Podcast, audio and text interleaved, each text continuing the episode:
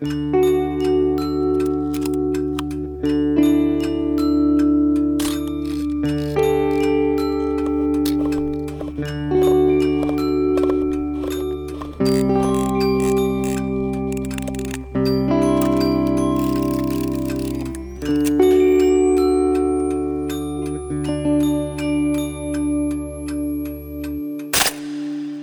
och välkomna till Mellan skärpa och korn.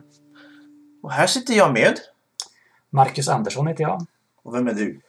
Jag är eh, frilansfotograf, eh, verksam i Mölndal och eh, fotograferar till vardags för tidningar och reklambyråer och liknande. Och för min egen skull fotograferar jag analogt med diverse tekniker. Trevligt, trevligt. Och jag heter Sina och Jonas, han är inte här. Så det, det blir som en intervju mellan två konstnärer. Ja, jag har ju träffat dig ett antal gånger på vernissage. Mm. Sist hade du bibelpapper. Inte riktigt. Ehm, Jag ställde ut på Galleri Elf tillsammans med min sambo Anna Edlund. Och eh, då visade jag ett projekt som jag kallar för The Decline and Fall. Mm. Ehm, Som är ett projekt som eh, försöker skildra min oro inför samhällsutvecklingen och mer specifikt utvecklingen i USA. Ehm, Och då hade jag gjort Blackout Poetry eh, baserat på The Decline and Fall of the Roman Empire Ah. av Edward Gibbons. Ah. Ett klassiskt historiskt verk. Ja, det var ju så häftigt. Det, det kändes li- lite som andra långkonstnären. Som ser ut som att, jag tror han tar bibelgrejer och sen klädde över så snyggt. Ja, precis. Det, ehm, det är en hel subkultur i sig, den här Blackout Poetry. Och det är inte jag så insatt i egentligen, utan jag, eh, jag provade på det. Ja, trevligt. Så är du, är du etablerad konstnär? Nej, jag kallar inte mig själv för konstnär. Jag är fotograf. För det, gör, det du gör är så att säga konstnärligt. Ja, det får andra gärna tycka. Ehm, jag, eh, jag lägger ingen värdering i det riktigt, utan jag uppfattas det som konst så är jag glad, men eh, jag kallar inte mig själv konstnär. Det är balans på det hela. Ja, Så hur, hur ser ehm, hur ser din hjärna ut? Är det lite så här kaos så lyser lampa och sen ta den, ta den, ta den, fota av den, tejpa fast den? Eller är du mer organiserad? Jag är nog ganska kaotisk ehm, på många sätt. Eh, när jag fotograferar eget så är jag det oftast eh, i löpande projekt där jag fotograferar ganska förutsättningslöst Mm. och sen redigerar jag i olika bildserier. Ehm, så att i det första skedet så försöker jag att vara ganska öppen och eh, fri i mitt fotograferande och sen lite mer stringent när jag gör urvalet. För din andra halva är ju ska jag kalla henne konstnärlig för hon tar våtplåt minns jag att det var. Mm, precis. Och sen tar saker som kanske inte passar för våtplåt. Ibland blommor, ibland personer. Alltså rörliga saker då. Ja, Eh, och det är så jättehäftigt och det är så kontrast över Ska du verkligen göra som en våtplåt? Ja, och nu senast så hade jag gjort eh, fotogram med båtplåt. då. Ehm, Och jag jobbar också med båtplåt och vi Mm. gör en del tillsammans. Så vi har gjort ett större gemensamt projekt där vi fotograferade människor som, som bor eller är verksamma i Mölndals Kvarnby. ah, Och då, då har vi gjort så att vi växelvis har skött kameran och kemin ah. och betraktar varje bild som bådas. Mm. Så um, du har haft kameran uppställda på stativ och, och resonerat kring bildutsnitt och så vidare i varje, på varje enskild plåt. Då. Och då antar jag att ni kör någon pre-grej förut att, eh, innan att ni lägger upp på alkemi och sen För det är väl halvtimmes tid innan det ska exponeras och sen Nej, det är kortare så att man får ha med sig sitt mörkrum ut. Eh, hälla på collodienhinnan på plåten och stoppa ner den i silvernitrat så att den blir ljuskänslig och sen ladda sin plåthållare. Ja, just det. Och eh, sedan har man ungefär 10 minuter på sig innan plåten har torkat. Ah, Eh, Så då ska det fotograferas och sen framkallas under den tiden. jag får den här bilden av de första typerna, typ Moybridge som stack ut mitt i ingenstans. Hade stor jävla häst och vagn och så här. Livsfarliga kemikalier och sen Ha! Plåtat! Fort som fan! In med... Ja, en bild! All respekt för dem som... Ja, det, de fotograferar ju landskap i bergsmassiv och så vidare. Så att eh, så fort man tar sig utanför studion med våtplåtsteknik så ökar besvärligheten exponentiellt skulle jag säga. Ja, speciellt då förut med att då hade man begränsning i vad som kunde fångas, fångas på plåten. Så ibland, jag tror himlen gick inte att fånga ibland för att det var så, så små um, ja, dynamiskt omfångat det.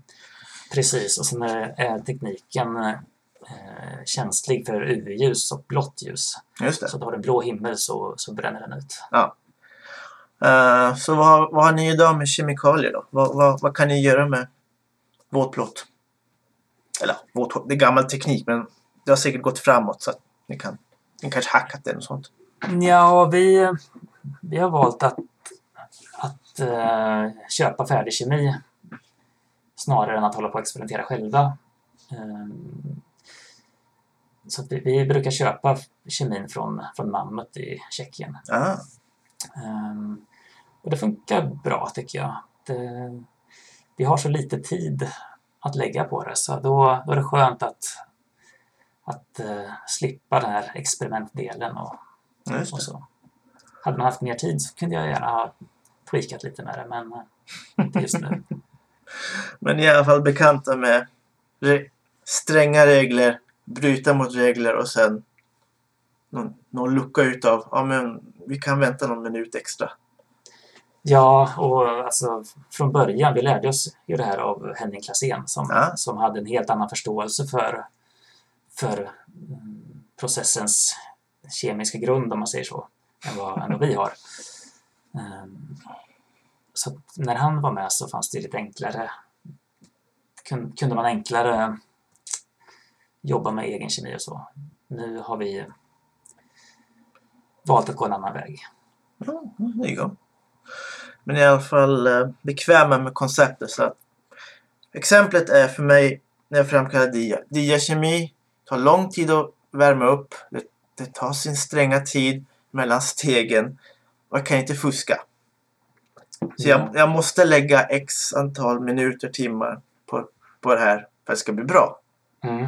Så jag antar att det är samma sak där. Att uh, okej, kemin uh, tål inte kanske för mycket rörlighet eller att det, här finns det regler och Jo, så är det ju.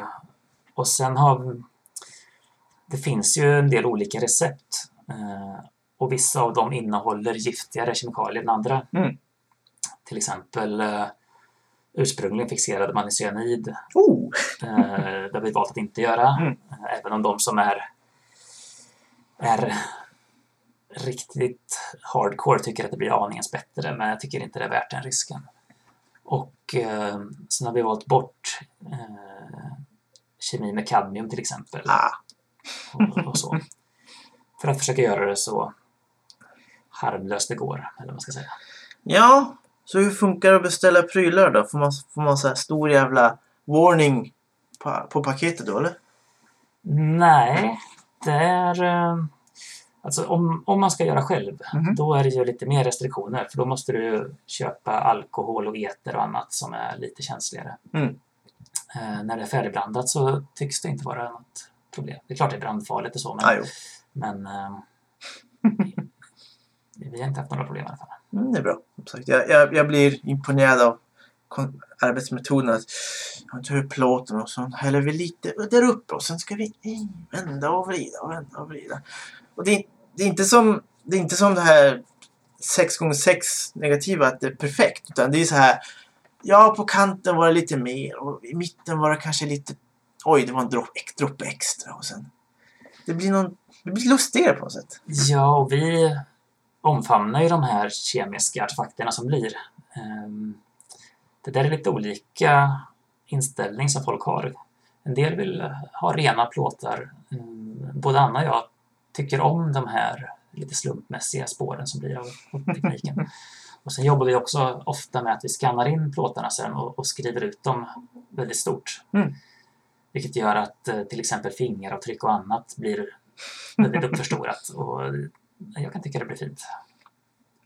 Ja, för ni får ju ett Master Master. Som är er enda kopia. När vi gör det på På, svart på, aluminium just som ja, tintypes. precis. För, för, då, för då, då blir frågan sen. Lägger ni master någonstans schysst eller så att ni kan finna dem 10-20 år? Eller blir så att kopian blir... Slutkopian blir på något? Jag, jag kommer inte hitta någonting jag gjort om 10-20 år. det skulle förvåna mig mycket. Jag... Eh, vi har... Eh, jag skulle inte säga att vi har ett arkiv med masters på något sätt. Det har vi inte. Utan, eh, de plåtar vi gör till sammanhållna projekt lägger vi i en låda som har med projektet att göra. Just det. Som, ja, ska vi snälla om? 60 år när vi är alla döda och fina och trevliga. Och så kommer någon och upptäcker dig till exempel. Blir det så att eh, man får öppna en låda. Åh, kolla! Vad är det här för något? Ja, ehm, jag tror ingen kommer bry sig om mig om 60 år eh, nämnvärt. Men eh, jag fick en sån tankeställare kring det där när jag var med i fotoklubben i Uppsala. Mm. För det var någon som kom in med en flyttkartong med någon avlidens bildarkiv och tyckte att, att eh, det här kan väl ni ta hand om. Det var Mm. någon som verkligen hade brytt sig om sin fotografi i sina bilder. Och det där blev ju stående för ingen hade tid att gå igenom det. Mm. Och så tror jag det blir med de flestas bilder. Man får försöka ha roligt under tiden och inte ha för stora ambitioner med att det ska bli något märkvärdigt för eftervärlden. Ja, det där är... Nu pratar vi helt... För jag fotar i små format och små format ju ren volym. Så här 36 gånger 36 gånger 36 och sådär. Efter ett Mm. par år så står man där. Det är en hög av... Ska, ska du men- menar att jag ska ha tid att gå igenom... Nej, det tror jag inte. Nej.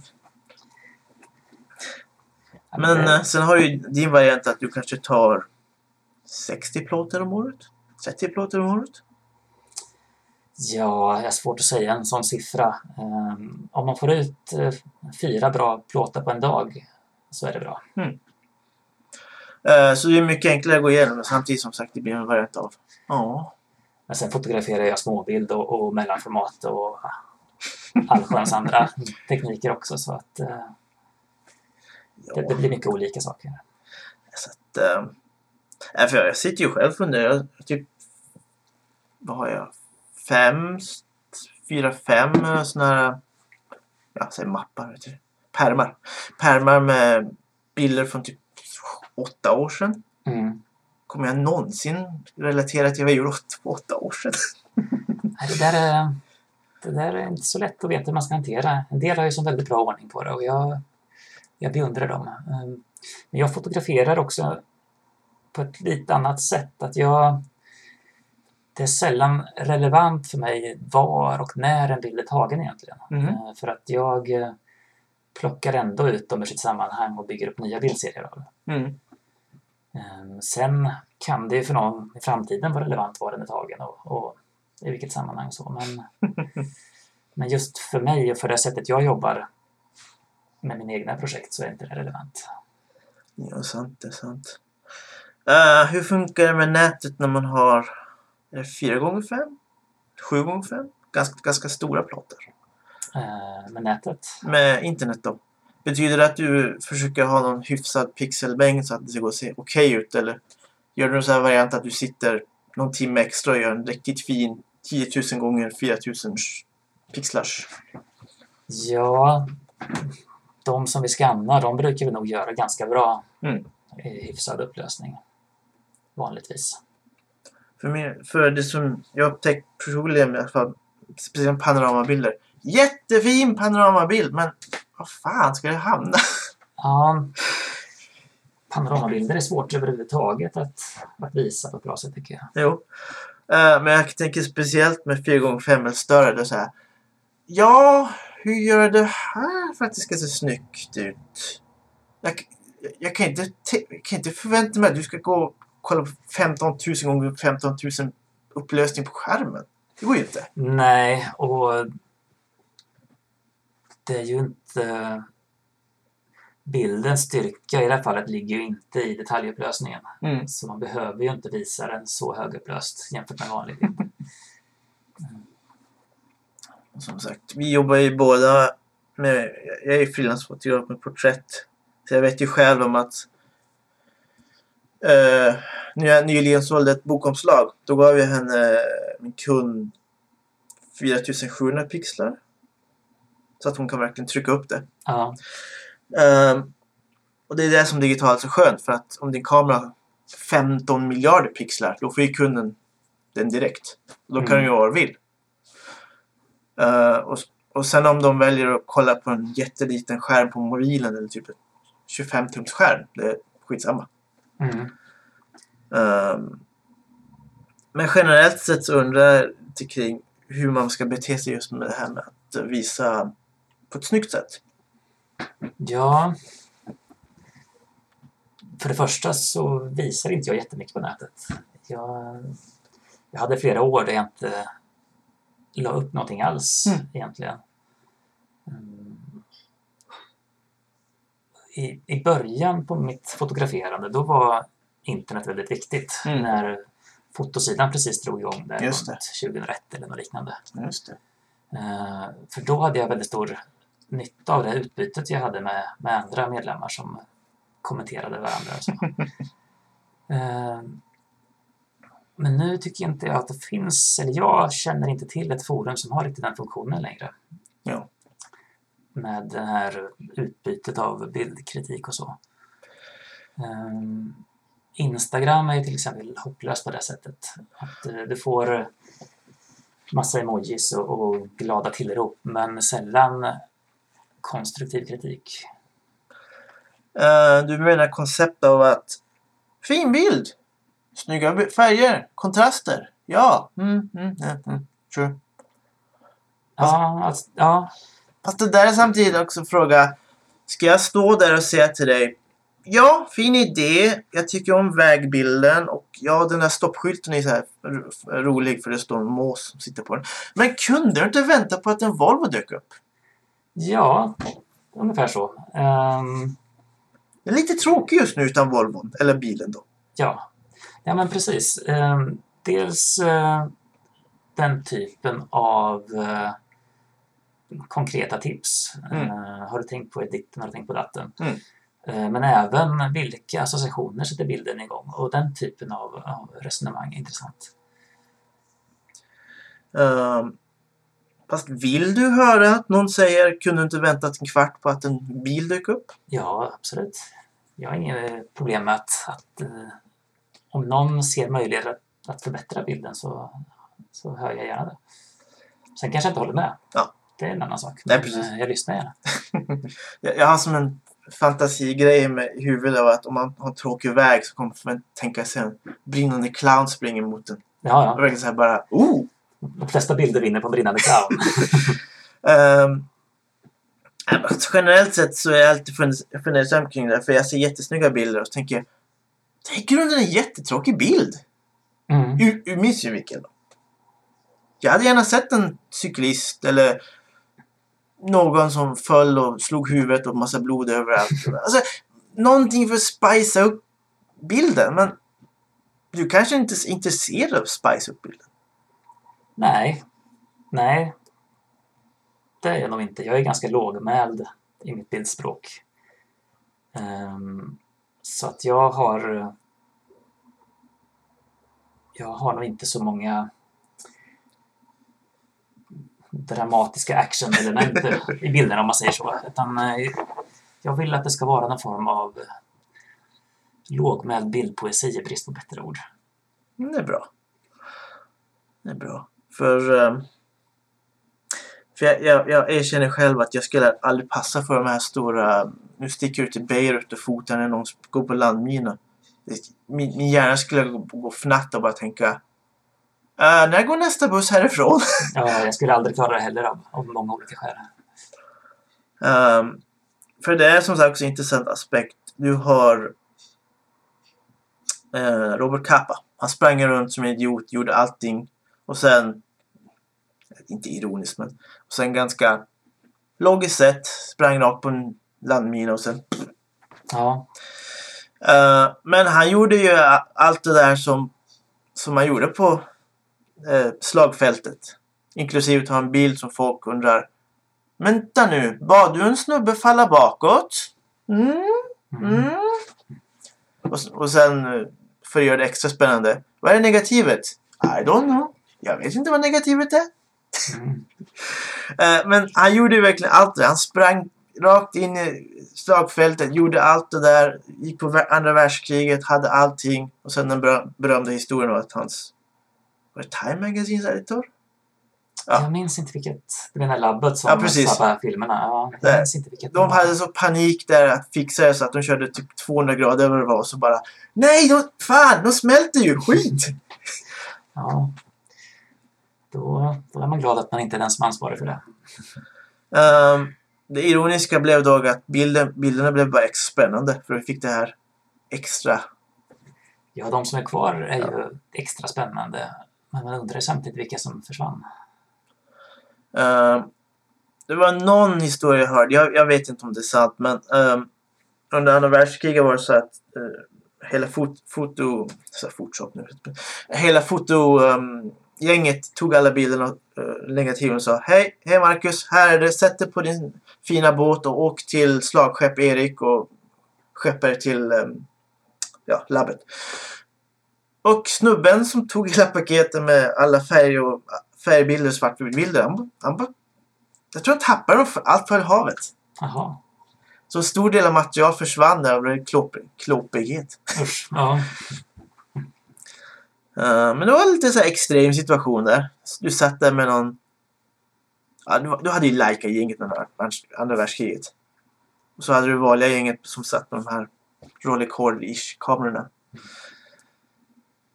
Och sen undrade jag om det fanns någon ljusmätare så att vi fick tänka okej, eh, har- är det korrekt? Klick, är det korrekt? Klick. Det klarar man sig ganska bra utan faktiskt. Ljusmätare. Ja. Det, Ehm, så egentligen, vi har det väldigt, väldigt bra just nu. Alltså, det, det finns internet. Vill du veta hur en film ser ut? Sök på filmslag. Och sen eh, hoppas på att personen öppnar upp på Flickr att man kan ladda ner och sen kolla. Ah, det var väldigt kompakt och fin kod. och på så sätt har vi det väldigt bra. Eh, sen kan man bli lite avundsjuk på de äldre fotograferna som pratar lite lyriskt om gamla papper och filmer med högre silverhalt och så vidare. Man kan ha kanske missat den, den bästa eran av analog fotografi kanske. Men eh, vad det gäller att lära sig saker så är det nog betydligt bättre nu. Ja, definitivt. Ehm, jag lärde mig via analog film. Så att eh, jag var väldigt uh, osnäll mot föräldrarna. Du, hej! Jag, jag tog en rulle. Kan du skicka ett labbet? Vänta nu här. Du tog en rulle för fem minuter sedan. Det här är inte bra. Nej men precis, jag, jag lärde mig också fotografera analogt. Och det, det har väl sina poänger också.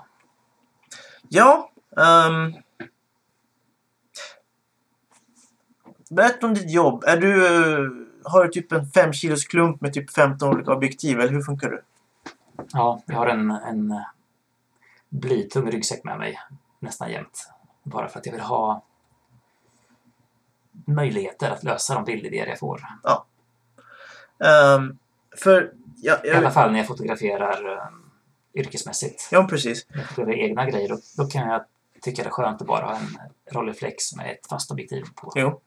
För just det med jobb är intressant. Alltså för mig. För jag sticker också runt objektiv och blixtar och allt det där. För jag vet att ja, men jag vill gärna ha wide på det och gärna lite så här mini på. En tele också, det vore schysst.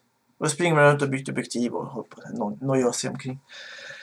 Um, och då har jag kommit på att det analoga är så skönt för mig för jag kan så här tänka Nej, jag ska inte framkalla idag. Eller imorgon, eller en vecka. Tre veckor. Fram, om tre veckor. Jag tar min masking tape, skriver och sen rakt i um, kylskåpet med...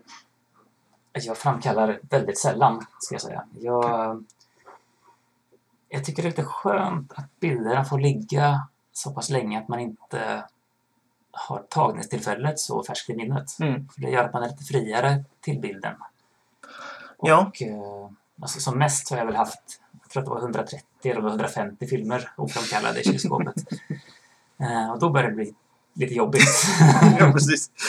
Men jag har nog alltid en 40-50 i alla fall. Ständigt oframkallat. Ja, ehm, för som sagt, jag tänker... en annan aspekt på mitt jobb att jag, jag, jag, jag jobbade för ett, för ett tag för en bildbyrå. Där jag stack till Liseberg och fotade artister som jag, hade, som jag hade noll intresse för. Och som du själv vet, när man fotar folk så hör man inte vad de säger. Ja.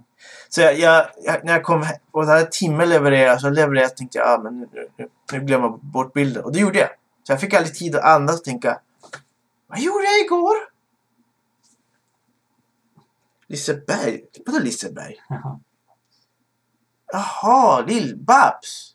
Ja, ja, ja, okej. Ja. Så jag försöker i alla fall med mitt jobb göra så att jag i alla fall ger mig någon dag eller två och tänka Låt det andas. Låt det på något sätt Mm. få perspektiv. Har man den tiden så är det väldigt värdefullt att, att göra bilderna så som man tycker de är bra och sen låta dem ligga en dag och titta på dem dagen efter och se. Tycker man fortfarande det är gjort på rätt sätt. Men det är inte alltid man har den tiden. Ja. Vad, vad har du? Halvtimme att leverera? Timme att Nej, leverera? Nej, oftast har jag längre än så, men det kan vara olika. För jag tänker, blir man inte blind efter ett tag och att Aha, jag fotade Sergels torg igår. Eller gjorde jag? Ja, just det. Men det står ju på min byline. Ja, så, så snabbt kommer vi inte minnesförlusten, men eh, när folk ringer och kommenterar en specifik bild i en artikel Ja, tre, fyra år tillbaka i tiden, då, då kan minnet svikta. Men som sagt, för då har vi båda en avkoppling med analoga. Att man tänker. Ska vi se, jag har noll diakemi hemma just nu. Eh, Jag har frysen full med dia- diafilm. Jag fotar en massa dia, stoppar in i kylskåpet. Och sen om sex månader köper jag kemi. Mm. Sen finner tid, för som sagt det tar minst en timme att framkalla dia. Eh, och då får man ju perspektiv på det hela. Eh, Ja, men det är ganska nyttigt att få den distansen tycker jag, för eh, ofta kan det vara så att man, man eh, tycker vid tagningstillfället att det här kommer bli en fantastisk bild. Mm. Och så är man så jävla peppad och så kommer man hem och så framkallar man och så blir det inte riktigt kanske som man hade tänkt sig. Ehm, men det kanske blir bra ändå. För att Ja. man har kvar den här tanken på exakt hur man ville att det skulle bli. Jo. Och då kan man vara friare att, att acceptera bilden så som den blev. Jo, precis. Eh, jag visade dig några uh, 6x6 dior och de, de var ju från i vår, våras, två månader sedan. Så då, då fick de ligga där och så att säga mogna. Mm. Eh, och då var det speciellt kul att gå, gå tillbaka den här fina vårperioden när du hade med sakurablomningarna och så kolla. Oh, ja. Nice. Men det kan också vara en poäng att, att, eh, att inte bara låta dem mogna innan framkallning utan låta dem mogna innan visning också. mm. Att man, eh, man låter de framkallade filmerna ligga en stund innan. Allt behöver inte tjoffas upp på Instagram och nätet ögonblickligen liksom, utan det kan få ligga till sig och kan man fundera på vad som, vad som är någonting att ha och inte. Ja, ehm, om du kollar bakom mig så är min uh, rigg för att fota av med systemkamera och ibland har jag inte ens ork att kolla på bilderna så blir det så att ehm, bakom mig så har jag min garderob så då har jag som en stor hög med ja, den där från 2017. Ja, Nej, vänta lite till. Ja, men visst. Och så, det skadar inte att det ligger till sig lite. Det, Nej, precis. Ehm, så att, ehm, nej men generellt sett, jag tycker om just att det behöver inte vara så här hypersnabbt. Och ibland visar inte någonting alls, så här bara. Lägger, kanske lägga upp någon på Dropbox och skicka till en vän och säga ja, kolla. Det här är relaterat till dig. Ja, och ehm, det där är egentligen en ganska stor fråga. Det varför visar man sina bilder överhuvudtaget? Eh, Och, och varför fotograferar man? Är, Mm jag skulle gott kunna fotografera i princip utan att visa bilder för att det... För mig är det handlingen och att, att göra det och sen att fundera kring de här bildserierna som är, som är eh, den stora behållningen. Jo. Um, jag jobbar ju till en viss del med bilder så att det är bra med ha dem någonstans. För, jag, för ibland när jag är på fältet så kan jag tänka Men du, jag tog en bild på en skog och en sten och, en, och så tänker jag, Ja, just det. Om det ligger där på Flickr så ska jag så ha själv tillgång till det. Ja, Men jag, jag förstår absolut vad du säger. För ibland tänker man Jättefin bild på det där vykortet och han som log. Men nej. Jag behöver inte lägga upp. nej, alltså det, det räcker ju att man tittar i fem minuter på Flickr så inser man att man är överflödig. Ja, jo. Ehm, så att det är svårt att, att, ehm, att eh, tycka att man ska visa bilder för att, för att det saknas bilder om man säger så. Ehm, utan man får ju försöka att, ja, det är klart, har man ett viktigt ämne att berätta om eller Mm. någonting sånt, då är det jättebra. Men om man bara vill visa hur förträfflig man är som fotograf så, så finns det så mycket bilder redan. Ja, det är sant. Sen jobbar jag till viss del med fotobiten i alla fall när man går på eh, sociala nätverk och så. Att man vill, det, är så, det är så simpel sak. Någon på Facebook frågar Hur gjorde du med den och den och den? Och så på en mening så säger man Så här gjorde jag. Mm. Och så kanske man visar så här och så här gjorde jag och- och här är lite ytsnitt utav kornet då. Som, som läromedel då. Jo, men det kan, det kan ha en poäng om, om eh, så länge någon annan får ut någonting av det så är det ju, då är det ju relevant att visa. Jo. Om det så är i lärosyfte eller i, i eh, att det berör någon eller så. Ja, det är sant. Så att, nej, så att det, det där är för mig en evig, evig krock i skallen. Tänker, ah, nej men kul bild men det är bara relevant för mig. Ja, precis. Det är exakt den frågan man måste ställa sig. Ehm, så att, eh, men om vi byter ämne. Du fotar storformat va? Eh, ibland. Jag, är, jag skulle vilja vara bra storformatsfotograf, men jag är ingen bra storformatsfotograf. Jag, eh, mitt sätt att fotografera bygger mycket på att, eh, att jag rör mig och letar upp bilderna. Mm. Eh, så för mig så är mellanformatet eh, den optimala liksom, kompromissen mellan bildkvalitet och rörlighet. Ehm, för vi, bo, vi, vi båda jobbar ju med att eh, berätta historier. Mm. Och du är mer snabbare än mig. Så att säga. I och med att jag jobbar mot press och så. Och jag är ju mer mot kund så att jag kan ju ha någon dag eller två som jag så här, smälter över bild och tänker ja, kanske borde ta bort den där stora saken på vänster sida. Eh, men generellt tänker jag vi, vi är ju tränade på att berätta en fin historia. Sen kanske att med stor format så, så kan man ju gå ah, det vore ju kul om man tiltar lite där. Så, Mm. och då får man till den här fina konstnärliga aspekten på det hela. Men vi har, vi har ju tränat oss på att berätta historier. Ja, det kan man göra med vilken utrustning som helst. Eh, Det spelar ingen roll vad, vad man använder egentligen. Mm.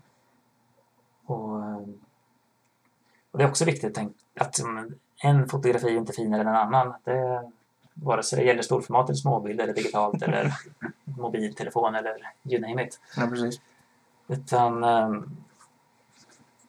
man får, måste välja den utrustning som eh, passar det sättet man själv jobbar på och, och passar det man vill förmedla.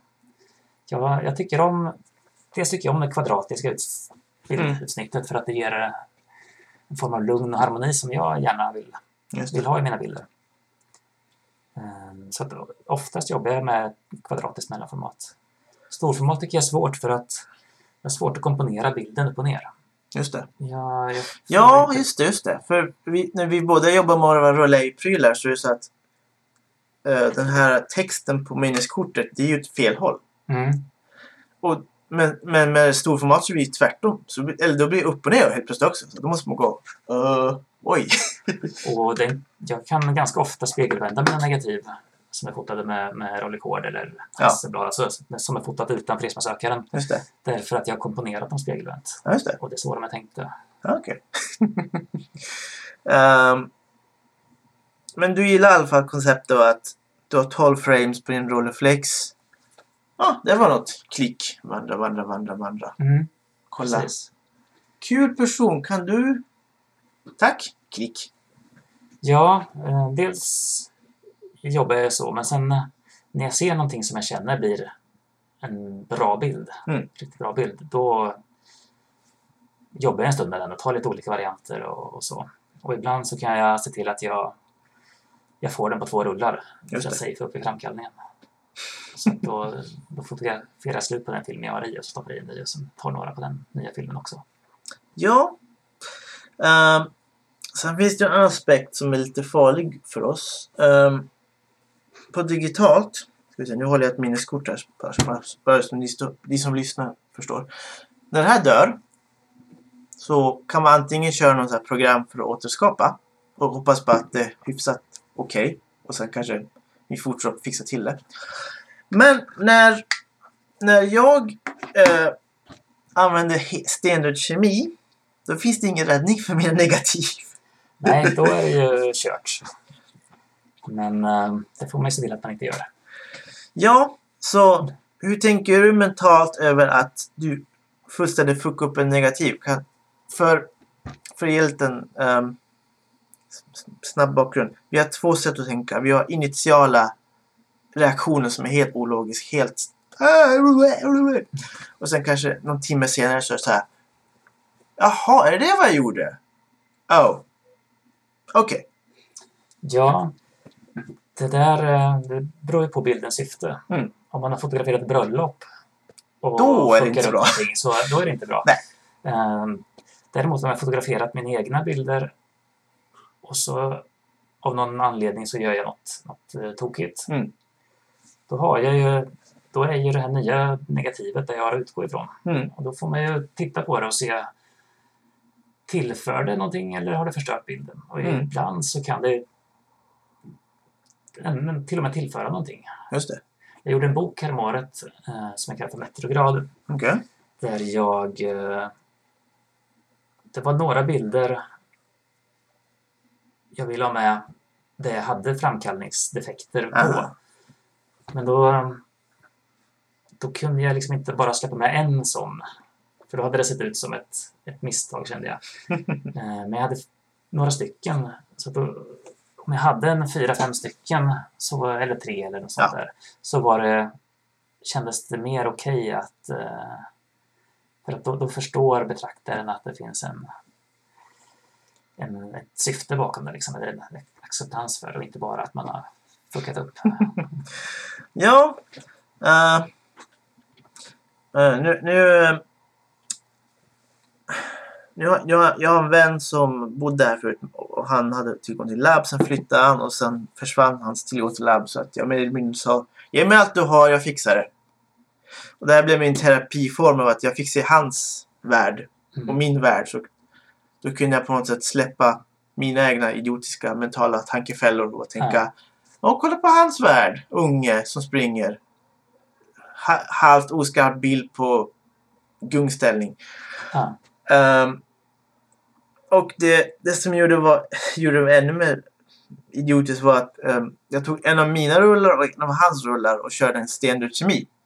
Mm. Och då fick man så här tänka Okej, nu har jag alltså dubbelfelat. Jag har förstört två personers rullar. ja, är det... Jag har aldrig vågat åta mig framkallning åt någon direkt. Jag, ja, jag Ehm, framkallar åt Anna gör jag, men Ja. ibland, men inte... Jag, jag skulle inte göra det på uppdrag av någon. Det där är... ehm, för det första, även om du inte säger högt så är du medveten om att något kan gå hemskt fel även om du gör det korrekt. Någonting kan gå Ja. groteskt fel. Du kan tappa ehm, eh, tank, ehm, framkallningsdosan på golvet och sen... Whoops! Jo, Whoops! jo, men så länge man gör det korrekt så går det bra. Men, men gör man sådana misstag, det är klart att då ehm, kan det gå åt skogen. Ehm, En gång har jag hällt i fixet först. Men Ja, det, precis. mm, Det är också, det är också en klassiker. precis. Eh, All silver bara whoops! Bye bye! Eh, men det är därför, därför jag satt för regel för mig själv. Om jag är mitt i någonstans hemskt och vill bara mörda alla jag ser. Då rör jag inte någonting som är känslig mot eh, i- som kräver rutin. För då är jag helt ute ur rutinfällan. Ja, ur rutindelen så att säga. Eh, och för att svara på, min fråga, på din fråga. Du, så länge du följer rutinen. Till exempel det är 76 stock, 6,5 minut. You're fine. Mm. Ehm, ja, du kommer fucka upp rejält. Det ingår i spelet. För, förut så hade jag eh, framkallningstankar stående där jag hade kemi Ja. eh, fyllt. Ja. Och körde 18 120 filmer samtidigt på. Oh. Och då gäller det att tänka igenom vad man gör. Mhm. För ett misstag då, då kan det ganska mycket gå åt skogen. Så att där, då får man ju tänka, liksom, är jag verkligen framkallad okej? Har jag replenishat rätt och är fixen fräsch och så vidare? Ehm, jag törs slarva lite mer när jag kör färre rullar i en dosa, men eh, oftast går det bra. Ja. Ja, och som sagt, det är där som jag återvänder mycket till min diakemi-rutin. Att jag kör steg, steg, steg, steg, steg, steg, steg. Och sen kollar man på tabellen, plus två, plus, plus, plus två, plus en. Och sen efter typ x rullar, stopp! Ta din um, um, behållare med förbrukad kemi och sen häll in den dit. Och sen lägg den någonstans runt huvudet. Ja. Och, um, nej, men så, så länge man är noggrann och följer instruktionerna så kan det inte gå så fel. Och sen, jag har blivit ganska så avslappnad kring det där. Mm. Det var när det gavs ju ut, det kan vara på 80-talet någon gång, en bokserie om eh, I mörkrummet, eller den heter. Just det, Två böcker med svenska fotografer och två böcker med amerikanska fotografer. just det. Eh, Och innan jag läste dem så var jag lite mer slav under, under termometrar och klockor. Men eh, jag fick en känsla av att flera av de här fotograferna var ganska så avslappnade inför sin mörkrumsteknik. Och det, det var rätt så skönt. Ja. Ehm, samma vän i Umeå hade för något, något år sedan någon utställning med någon, jag tror, jag tror fotografen bodde där förut. Eh, någon död fotograf som man ställde ut hans bilder. Och hans negativ var ju horribla. Ja, jo, precis. Och jag fotar ganska mycket utan ljusmätare också, vilket gör att jag... Det finns ju ingen poäng i att, att, uh, att jobba fram en personlig exponeringsindex för filmen och sådana saker. För Mm. att så pass exakt kan inte jag bedöma ljuset. Mm. Ehm, så då är det bara att se till att, att man överexponerar snarare än underexponerar och så blir det fullt användbara negg. Jo, precis. Så att i grunden, um, rutinen är din bästa vän. Och sen om du, så, sen om du är som, ehm, ja, sen om du så här galning som tänker 165 5,6. I don't know why. Det kör vi på klick. Ja, det... Så länge det är eh, dagsljus så är det ganska lätt att bedöma. Mm. Ja. Uh, för Rolleiflexen har väl ingen ljusmätare va? Eller har du det? Ja, den, den jag har har en ljusmätare, men Okej. eh, det är bara de två senaste modellerna som hade det. Okej. Eh, för min gamla Rolleicord från 50-talet är stendum. Den har ingenting. Nej, Eller ingenting. Den- Den, har ingen hjälp, hjälpmedel så att säga. Så att jag får ju verkligen tänka. Och sen dessutom diafilm. Det så här. Skugga, ljus, skugga, ljus. Vad vill jag ha för något? Okej. 500 del 5-6. Det kör- att diafilm, då skulle jag använda ljusmätare. Ja, det. Det är eh, så pass eh, bra koll har jag inte. Men en neg- neggfilm går fint. Ja. Eh, och det är väl där jag fått min... Uh, vad ska man kalla det? Det är där jag lärt mig vara punktlig med, med hela. Så att när jag springer runt med det, 30 år gammal diafilm. Som frysförvarad så att jag kan fota. Jaha, okej. Jag kan fota den i typ stockis och bara skit i resten. Ja, Men då blir jag tänkt okej. han står där, svart skjorta, ljus arm. Ljusarm kommer försvinna. Okej, 250 F4. Ja. Men det... Jag kan, kan... eh, Jag kan förstå tjusningen alltså, som de känner, de som eh, alltså, driver processen så tekniskt de inte går och få fram optimala negativ, optimala resultat. Så. Mm. Det, men det är inte riktigt inte gjort för mig riktigt. Jag, nu låter det som jag slarvar mer än vad jag gör. Jag, jag, har, jag har koll på vad jag gör, absolut. Men jag, eh, jag tycker det är skönt att, att eh, kunna vara ganska avslappnad kring det. Ja, absolut. Ja, för att avsluta hela. Var finner man dig någonstans? På riktigt eller i världen eller på nätet eller? Ja, på riktigt så finner man mig i Mölndals Kvarnby allt som oftast. Ehm, på nätet, ehm, jag har ingen hemsida eller något sånt där. Jag har ett Instagramkonto som är något av ett, ett eh, skissblock Mm, eh, som jag kallar för Mulet och grupp. just det. Och det är eh, en anspelning på min, min första kamera som var en, en Minolta kompaktkamera. Mm. Där man eh, har en, en kompis till, till morsan och farsan som sa att allt man behöver veta om fotografi det är att ställa in det på Mulet och grupp. Just det. Så man ställer in det på molnet och avståndsfiguren med tre, Ja, tre just det. När man öppnade sin filmkassett förut, eller film, eh, pappers, och så såg man 5, 6 om det är molnigt. F4 om det. Ja, eller på kameran. Du har en, en molnsymbol och en solsymbol. Ja, precis. Ställ in det på molnsymbolen.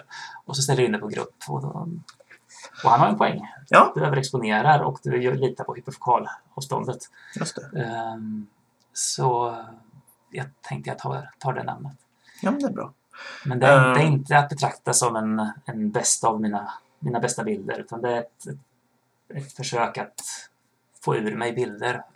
Så att jag själv eh, så att jag själv vet vad jag har för olika trådar jag jobbar med. Ja, men det är jättebra. För um, får, får, får, får man i alla fall en hint om vad du faktiskt gör. Ja, precis. Men eh, då tackar jag dig Marcus för Ja. en väldigt trevlig samtal. Tack så mycket. Så får ni eh, där ute ha det jätte- jättetrevligt också. Ha det bra. Hej!